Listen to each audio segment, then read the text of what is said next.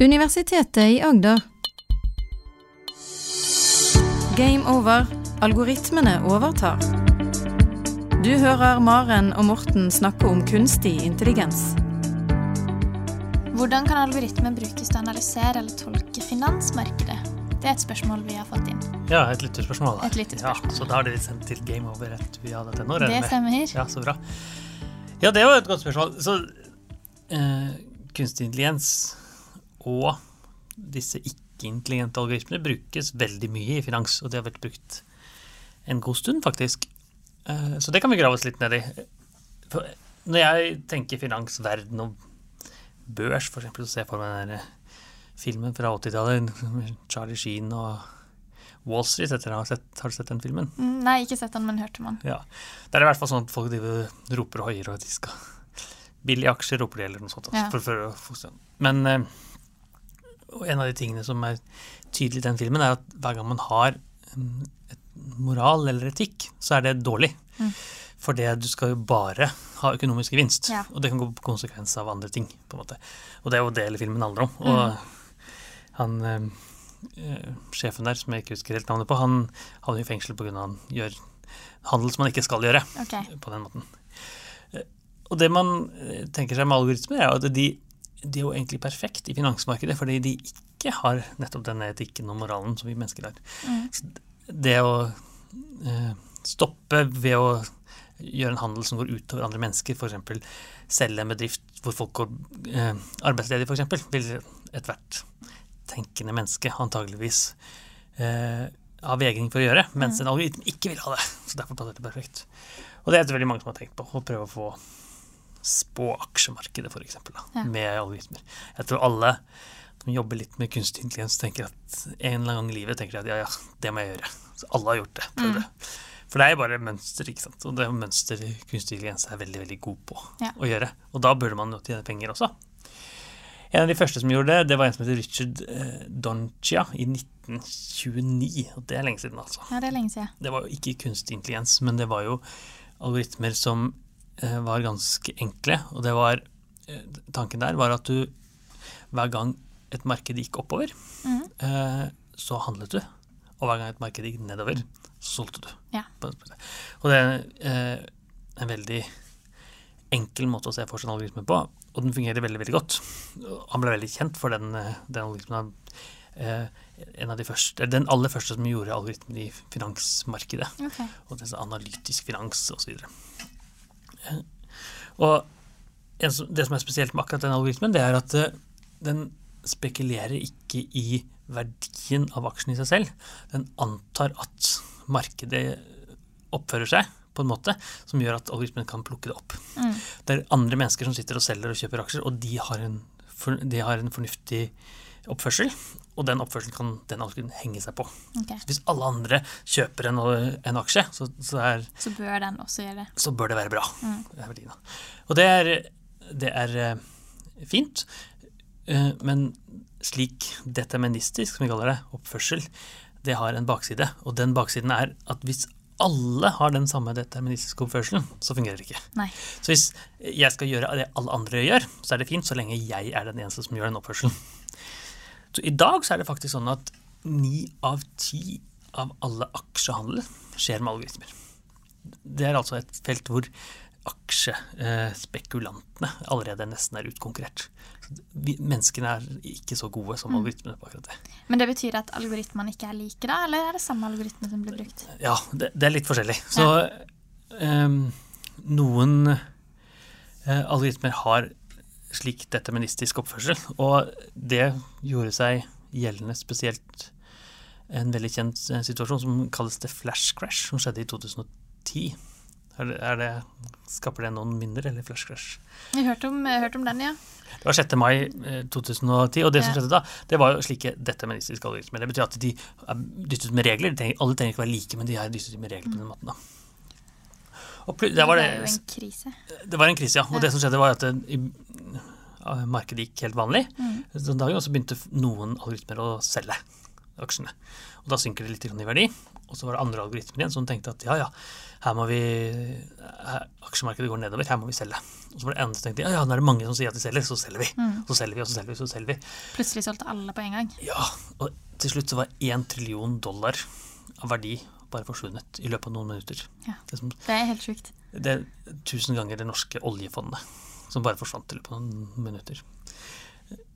Og det litt interessante der er jo at vi vet ikke helt hvorfor.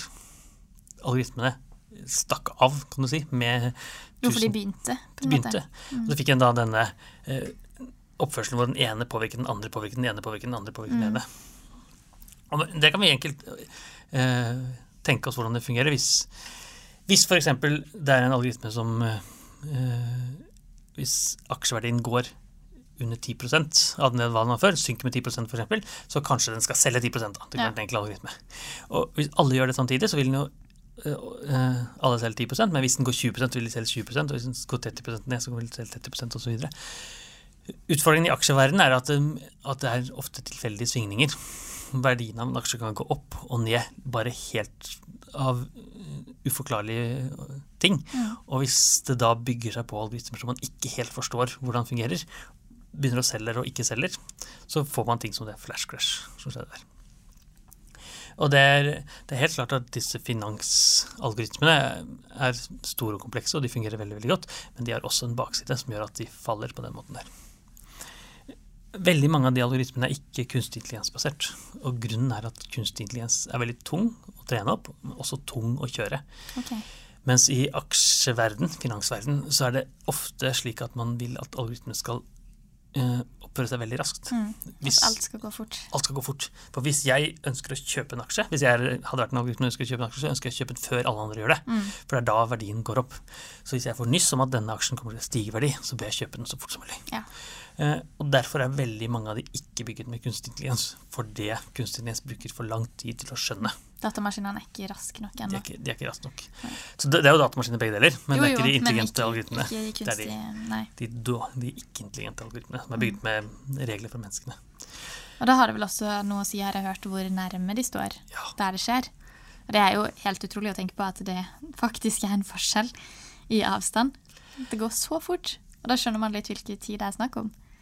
Ja, for Mikrosekunder. mikrosekunder, ja. Så en av de kjenteste børsene New York-børsen, f.eks. Så jeg kan jo sitte og handle aksjer i Norge Mm. med det, hvis jeg vil. Jeg har ikke så mye verken penger til det eller eh, kompetanse på det, men jeg kan. Mm. Eh, og man kan bygge algoritmer i Norge da, som kan kjøpe de aksjene. Men så viser det seg at, det, at eh, det å sitte i nærheten av New York-børsen, fysisk nærme, Mm. betyr mye, for da får du noen mikrosekunder. Ja. Informasjon før de andre, og kan kjøpe noe litt ja. før. Så selv om disse signalene går i lysets hastighet, mm. men det er en stykke fra New York til Norge, Mm. at, at det betyr noe. Så vi, vi, Det sier jo litt om hvor rask algoritmen er, da. Ja, absolutt. Og hvor, hvor, hvor litt, som For det betyr jo ikke eh, Det er et spill, egentlig, for alle vil jo være raskere enn de andre. Ja. Så hele tiden er man sparer bitte, bitte, bitte litt lyd. Mm. Så jeg vet at det er store datasentre i New Jersey, som ligger ved siden av New York, eh, som, som er av veldig, veldig kort avstand til New York-børsen. Ja. For det er da de tjener penger. Ja. De tjener mer penger ved å bygge i New Jersey, som sikkert har høy øh, skatt på Eller i hvert fall koster mye å bygge der, versus i Norge, f.eks. Eller, eller, et, eller et annet land. Men det lønner seg på den måten, da. Og Vi kan jo grave oss ned i finansverdenen osv., og det skal vi sikkert gjøre med mer kunstig intelligens-algoritmer etter hvert. Men eh, enn så lenge var det det vi har tenkt å si om finansverden, Ja. tenker jeg. Så har vi, um, hvis vi går litt, uh, litt videre, så har vi fått et spørsmål, eh, eller fått en henvendelse om vi kan snakke litt om teknisk singularitet. Ja. Et avansert ord. ja nok en Brønnøydal eh, ja, det vil jeg si. Men dette har jeg skjønt har noe med hvor svak og sterk Ja. intelligensen er. ja. Jeg tror jeg vi må bruke noen podkaster på å snakke om, men vi kan, Ja. vi kan, Vi kan ta en liten introduksjon denne uka her, og så snakke mer om det neste. Ja, det var lurt. Så det vi Det er slik at man kan gradere hvor intelligent algoritmen er, eller hvor intelligente vi mennesker er. Mm. Og da har vi eh, i hvert fall fire former for intelligens. Vi har det som kalles svak intelligens, og sterk intelligens, og superintelligens. Tre blir det. Og singularitet skjer med superintelligens. Så svak intelligens det er algoritmer, dataprogrammer, som kan gjøre bare én oppgave samtidig. Okay. All kunstig intelligens i dag er svak intelligens. Ja. Og Det betyr at de f.eks. kan spille sjakk, eller de kan kategorisere bilder eller holde en samtale. Mm. Men de kan ikke flere ting samtidig. De kan ikke flere ting samtidig. Og det betyr at med en samtalerobot kan ikke be den kategorisere et bilde eller noe sånt. Nei. Så vår menneskelige intelligens er annerledes. Så vi kan veldig mye samtidig. Vi kan bytte mellom teknikkene. Vi kan være litt kreativ og holde en samtale og gjøre alt sammen samtidig. Og da får man sterk intelligens. Så man tror da at en eller annen gang i tiden så kommer algoritmene til å bli like intelligente som oss mennesker, og da får de en sterk intelligens. Og, er det, og, det, og det er flere som har ment at det aldri vil skje. Og noen som mente at det egentlig ikke er noen prinsipiell forskjell på den svake og den sterke intelligensen. Det har liksom bare med mengden intelligens å gjøre. Okay. Eh, jeg er i den siste bolken, men der er det mye kontrovers. Men saken er at hvis vi antar da at algoritmene blir like intelligente som oss, så er det ingen grunn til at de stopper der. Nei. Hvis de fortsetter eh, Hvis vi later om som de får mer og mer IQ, da, som er en måte å måle intelligens på. Ja. Gjennomsnittlig menneskelig IQ-en er 100. Så hvis vi antar at algoritmene kommer dit, så er det ikke noen grunn til at de stopper der. De vil fortsette til 200, til 400, til 1000. Og da snakker vi om denne superintelligensen. Da får vi eh, superintelligensen, ja. Er det noe i dag som er superintelligens? Det er ingenting som er superintelligens i dag. For da vil de være mer intelligent enn oss mennesker. Ja. I hvert fall ingenting som vi vet om. Det kan være at det finnes noe på noen andre planeter, eller noe sånt, men det vet vi ikke om. Nei. Eh, og superintelligens er da når algoritmene blir bedre enn oss mennesker. Mm. Og da er vi inne i det som heter singularitet. Og, For da er det jo sånn at da kan jo selvfølgelig algoritmene gjøre alt det vi mennesker kan, som å lage nye algoritmer, f.eks. Ja, ikke. Og eh, Eller de kan finne på enda bedre ting. Ja. Eller de kan ta oss som slaver, som vi har snakket om før. Mm. Som også en mulighet, som jeg ikke håper, kanskje. Eller de kan finne på helt nye ting. Og ta over hele verden. Med en sånn teknisk singularitet, kanskje. Så de som snakker om teknisk singularitet, havner ofte i en av to bolker. Enten så er det alt går helt strålende for oss mennesker, for da kan vi simulere menneskehjernen, og vi kan få evig liv, på en måte, på den ene siden. Eh, Eller vi mister all befatning, og robotene tar over og dreper oss alt. Ja. Så hvis vi kommer i singularitet, teknisk singularitet, om en del år, Mm. så vil det da enten være sånn at uh, det er over og ut, med oss mennesker, eller så vil det være det beste mennesket har opplevd. Ja. Vi overlever oss alle. Men er det det beste vi her kan oppleve å leve evig? Jeg tenker sånn som eh, Hvis vi da kommer helt til det tekniske nivået der, Ja. så vil man jo kanskje aldri dø, da. Fordi man bare kan bytte kropp. Man kan bare overføre med en ledning, eller sikkert ikke ledning engang, Ja. all min hjerne til en ny kropp, fordi kroppen min er i stykker. Men hjernen min vil være den samme, og jeg vil oppføre meg som den samme. Jeg vil oppleve meg som den samme personen. Så hvis man kommer dit, så vil det være sånn. Ja, Du Eh, tror at man kanskje kan komme dit, liksom? Ja, ja, jeg tror det. Men Ja. jeg, jeg tror ikke det skjer innen min levetid. i hvert Nei. fall. Og grunnen til at jeg tror det, er at, det, at alt, uh, alt som er menneskelig, Mm. det er her hos meg. Altså, alt som er meg, er meg. Ja. Det fins ikke noe annet. Og alt kan forklares og forstås. Alt som kan forklares og forstås, kan på en eller annen måte simuleres og etterlignes, mener jeg da. Men det er jo et åpent spørsmål om det går. Mm. Jeg tror det. Jeg klarer ikke å se noen prinsipiell grunn til at det ikke skal gå. Det er bare veldig veldig mye mer vanskelig enn det vi har anelse om Ja. er mulig i dag. Men da får man jo helt klart sånn spørsmål. Da må vi i hvert fall ha et annet liv. Man kan ikke fortsette å ha evig liv og få barn. Nei, det ikke sant, det blir Da blir det fullt. Det blir jo veldig mange mennesker etter hvert. Og det som kan også skje, er at kanskje den teknologien blir tilgjengelig for noen, de rikeste, og Ja. ikke noen andre. Så man får en helt klasse, for de som lever evig, og de som Mm. ikke har penger nok til å leve evig, for Ja, eksempel. Så det er mange sånne utfordringer som kommer med singulariteten. Ja. Så det må vi bruke en tre-fire podkaster på, tenker jeg. Ganske Ja, mye. Det er mye stoff eh, som vi må snakke om her. Ja. Nei, men da gleder jeg meg til å høre mer om det. Så bra. Nå er sommeren på hell, så nå kan folk begynne å sende inn flere spørsmål, tenker jeg. Ja. Kan ikke det? Send inn spørsmål Til- Hvor sender de igjen? til gameover, krøllalfa, øya.no. Ja, så bra. Takk for i dag. Du hører Maren og Morten snakke om kunstig intelligens.